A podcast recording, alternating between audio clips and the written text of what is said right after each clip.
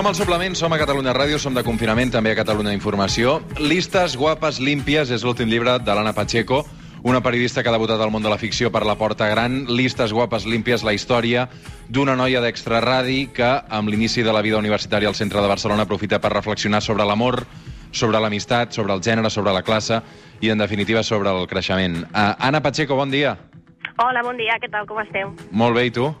Aquí, aquí, a casa, confinades, com totes. Sí. Com tots, com tots. Escolta'm, uh, listes guapes, límpies, el títol de la novel·la, uh, evidentment no és gratuït, són tres adjectius gens innocents, escrits en plural, uh, en femení. Um, llestes guapes i polides és el que històricament sempre se us ha demanat a les dones, en el fons?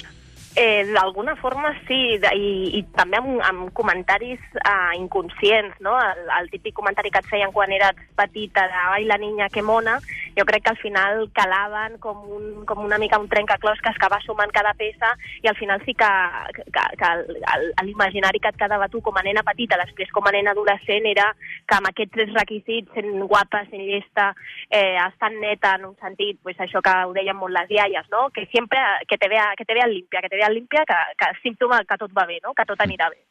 I el 2020, quins tres adjectius haurien de recomanar a les àvies a les seves netes ara? Uh, possiblement tingues més mala llet, segurament. Mm. Eh, sigues igualment llesta, llesta, però no intel·ligència en un sentit de acadèmic o intel·lectual, no? perquè també a nosaltres ens va educar molt en si tens més estudis vol dir que arribaràs, no? com aquest paradigma per arribar a, a, a- al famós as- ascensor social i, i ascendre, sinó una intel·ligència mm, que, que admeti altra, altres varietats, segurament, una audàcia, una eloqüència, segurament. Uh, suposo que molta gent et deu haver preguntat si aquest llibre, que arriba en forma de ficció i que és el teu debut literari, oi, Anna? Sí, Um, és una autobiografia ficcionada. eh, m'ho ha preguntat molta gent i jo sempre contesto el mateix.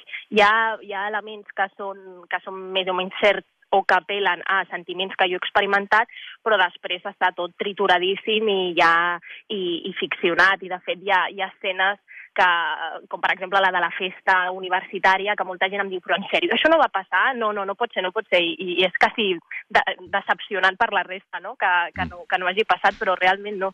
Uh, el que sí és evident és que parteix d'un- d'uns sentiments o d'uns orígens que jo, que jo he viscut d'alguna forma o altra. Mm. Mira, et poso una situació que, que, que també passa durant el llibre. Uh, et posaré una cançó, aviam si podria ser la cançó que acaba triant la protagonista de Listes Guapes i Límpies quan li toca escollir uh, una cançó a la festa i ella es queda en blanc, d'acord? Mhm. A veure, va, sona així.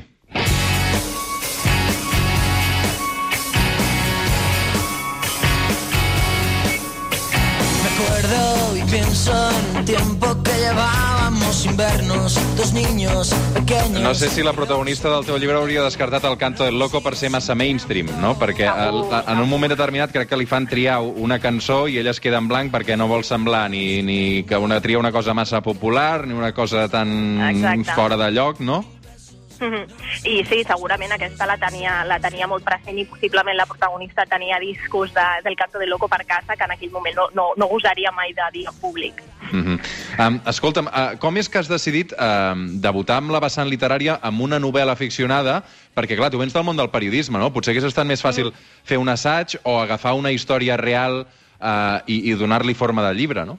Mm, totalment, o sigui, m'ho vaig plantejar i, de fet, mm, durant tot el procés, que va ser bastant dolorós en el sentit de, mentre escrivia el llibre hi havia molts matins que deia no, no, has de continuar, deixa-ho aquí, avorta, avortem, uh, i, i, i em plantejava si no havia de fer més un, un, un relat, un reportatge periodístic. En canvi, el que sí que em passava és que trobava en aquest format certes limitacions per explicar la història que jo volia explicar, que apel·lava com, com, com, com quan la gent parlava de la novel·la, no apel·lava molt a aquests detalls, a aquestes sensacions molt, molt, molt petites, molt fines, i que em, fe, em, em, em eren completament impossibles de, de, de fer d'alguna forma més reportatjada o més periodística, no? per, per, perquè apel·lava a aquestes sensacions molt fines um, que té a veure amb una vulnerabilitat, amb una condescendència de classe, amb aquests moments tensos, incòmodes, tràgics de la vida i que alhora la, la vida continua, no? com si res, aquesta incomoditat um, latent durant tota l'estona del llibre se'm feia molt complicada d'explicar de, d'explicar o de, a través d'algun altre format. Mm. Escolta, Mana, uh, veig que darrerament Uh, Sí. Estem parlant molt de feminismes en plural, no? No de feminisme, de feminismes en plural uh, i no pas de feminisme en singular. Per què això? Clar, aquí la, la, la clau és també el feminisme, el que es proposa és tenir una altra mirada de, de, de com s'estructura la societat i com, i com, i com s'articulen els diferents poders, no? les dinàmiques de poder. El feminisme, dir-ho, eh, les dones estem en una situació de desigualtat respecte als dones eh, per, per totes les discriminacions variades que patim, però és que dintre dels feminismes també hem de fer una, una mirada cap a, cap a dins i de pensar, jo, com a dona blanca, eh, heterosexual, de- d'Europa de, fins i tot, eh, no, tinc les, no he viscut les mateixes experiències i no he viscut les mateixes discriminacions que pot haver viscut a una dona eh, blanca en una situació de vulnerabilitat fins i tot aquí mateix a Barcelona, no? en una situació de, de, de especialment complicada o que una dona negra o una dona eh, de, de qualsevol altre lloc. No? Com que el feminisme jo crec que convida molt a pensar, a pensar els nostres privilegis, a pensar eh, des d'on mirem el món no? I, i, i a partir d'aquí doncs, um, doncs pensar que, que, que altres dones també, que, no es pot, que l'experiència no és única, no? En qualsevol cas, i en resum, que, que, que el que jo he viscut com a dona i les discriminacions que jo he patit um, no són ni molt menys la, la, la, única, la única possibilitat i que, de fet, hi ha altres dones que, que pel fet de, de, de viure en una altra dissidència o en uns marges o a viure en situacions de major pobresa um, han tingut un, la, la vida molt més complicada, no? T'he sentit parlar molt de feminisme interseccional. Què és això? Mhm. Sí, és justament això, no? És mirar-nos en tant que opresses i oprimides, en tant que opressores, perdona, i oprimides. Nosaltres, com a, com, jo com a, com a Anna Pacheco, com a Anna, com a individu, igual que, que la resta del món, també d'alguna forma um, estic generant uh, una discriminació, per exemple, a una persona en una, en una, en una entrevista de feina uh, en el que a una dona per portar hijab la, la, la descartin ràpidament d'aquest- d'aquesta candidatura i en canvi em contractin a mi, no? Aquí jo de, de tenir clar que aquesta persona està vivint una discriminació, no per culpa meva, no? sinó per, per l'estructura del món. La intersecció és un tema que tracta l'Àngela Davis, però també moltes altres feministes, i a mi em sembla clau per entendre per, per, per, per intentar fer eh, per intentar suplir totes aquestes violències i discriminacions i per, sobretot per tenir present uh, qui ets tu i quin, i quin lloc ocupes al món. I tu quan et vas adonar que tenies eh, també uns privilegis pel fet de ser blanca, eh, d'haver nascut a Catalunya, eh, pel fet de ser prima, fins i tot? Mm, Totalment, una bellesa normativa. Això és un gran, privile un gran privilegi, ens entenem, no?, dins d'aquests poders. Pues segurament, eh, a mesura que vaig anar estudiant el feminisme, eh, jo crec que que seria durant la universitat o acabant la universitat, no? Um, que sí que et vas adonant i també mm, en, en assemblees i en el feminisme de base, quan alguna companya uh, et tira de les orelles i et diu perdona, això que estàs dient és des del més pur mm, privilegi de, de dona blanca, no? Jo eh, et puc explicar el que he viscut i veuràs que és completament diferent a, a la teva experiència. I jo he après molt d'altres companyes. I, per exemple, la Míriam Hatibi, eh, que la segueixo a totes les xarxes i que som companyes i la, la coneixo personalment, eh, m'ha ensenyat moltíssim i m'ha fet pensar i reflexionar sobre, sobre temes de- d'islamofòbia que jo no, no, no havia pensat. Mm -hmm. Som al Suplement, som a Catalunya Ràdio, avui conversant amb Anna Pacheco. Girls, we run this mother.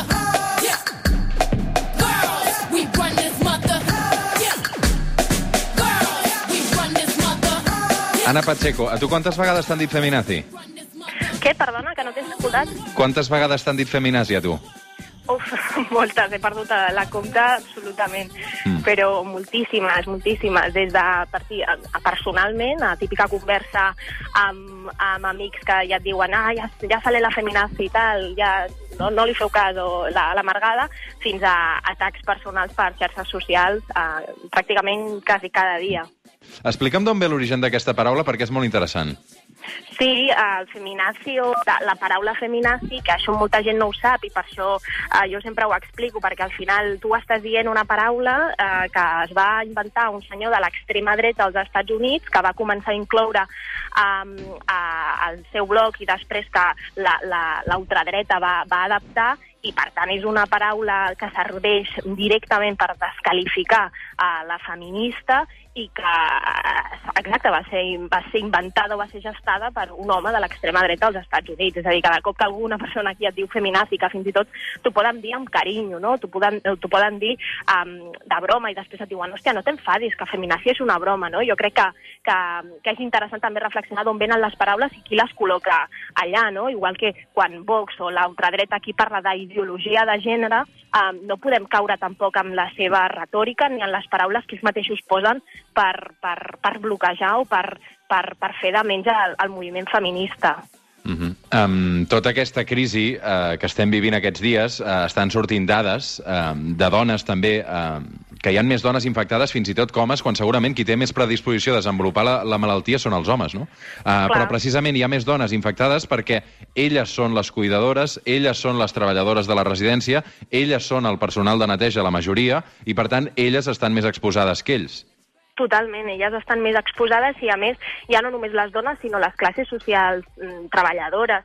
Uh, fa poc sortia el mapa de Barcelona sobre la incidència del Covid-19 uh, als barris de la ciutat i dèiem que Roquetes, a nou barris, era el barri més afectat i després li seguien altres barris també d'extracció treballadora. En canvi, també es notava les diferències en aquells barris benestants um, on hi havia una, una incidència menor. Jo crec que això és molt interessant. Si bé ja, ja sabíem que, que, que, òbviament, les classes existeixen i ja teníem dades, fins i tot, que l'esperança de vida a la pròpia Barcelona, eh, perquè no, no cal anar-se'n més lluny, a la pròpia Barcelona és de 8 anys menys als barris perifèrics o als barris treballadors que als barris um, als barris més benestants. Jo crec que això, la crisi ha deixat un altre cop en evidència aquestes desigualtats i, com bé deies, um, també és un exercici eh, molt interessant veure que, evidentment, ara que l'Estat o que els poders estan obligats a, a explicar què és o no essencial en, en aquesta societat de consum i capitalista, hem vist i, i, ens, i ens hem vist i, i hem comprovat que allò essencial, que els treballs essencials són els més precaris, i són els feminitzats, com tu comentaves, no? els que es dediquen a les cures i que, a més, no sobre estan en una situació més precària, sinó que es troben en una situació de major indefensió o vulnerabilitat a, la, a la, al Covid-19. Per això jo molts cops quan escolto això de no, el Covid no entiende de classes, no? Hay futbolistes con Covid, no? Ens hauríem de plantejar que, evidentment, el virus no, però les conseqüències de la pandèmia eh, entén molt de classes i ho estem veient jo una, altra, una, una de les altres coses que flipava aquests dies de confinament era com pot ser que tants, um, tantes persones de l'èlit um, futbolística o, dels, o, de, o personatges famosos tenen test i, i, i sabem que han donat positiu o negatiu i després tenim a les residències d'avis dels nostres avis i de les nostres àvies esperant que arribin aquests tests. No? El, ja el, el, la distribució que se n'ha fet dels, dels tests eh, és mm, com a mínim sospechosa. Mm -hmm. Posem-hi música tot això.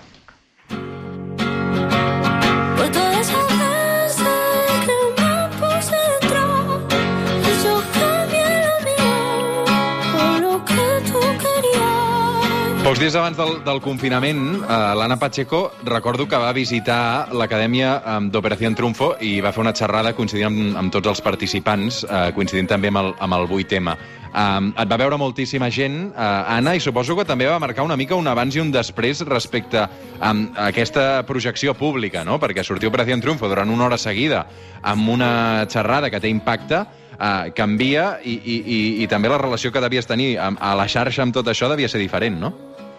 Sí, totalment. Bueno, evidentment es valia moltíssim i jo tampoc era, era conscient que el que passaria després i, i això vincula una mica amb el que comentaves, no? també l'assetjament la, brutal que vaig viure aquells dies, que també, també te n'adones que després tot és molt efímer, no? perquè va ser una setmana a Twitter a mort, tot i que encara segueixo rebent missatges d'odi, ja no amb aquella intensitat. A mi per què es valia? Per què es valia moltíssim? Què creus que va incomodar del teu discurs? Perquè jo vaig recuperar aquella conversa l'altre dia i no em va semblar que diguessis res extraordinari, uh, més enllà de tenir molta raó amb tot el que explicaves, no?, i de ser una cosa molt pedagògica, uh, no és res extraordinari dels discursos que, que, que hi han últimament, eh? Vull dir que, que... A qui creus que va molestar tant aquell discurs?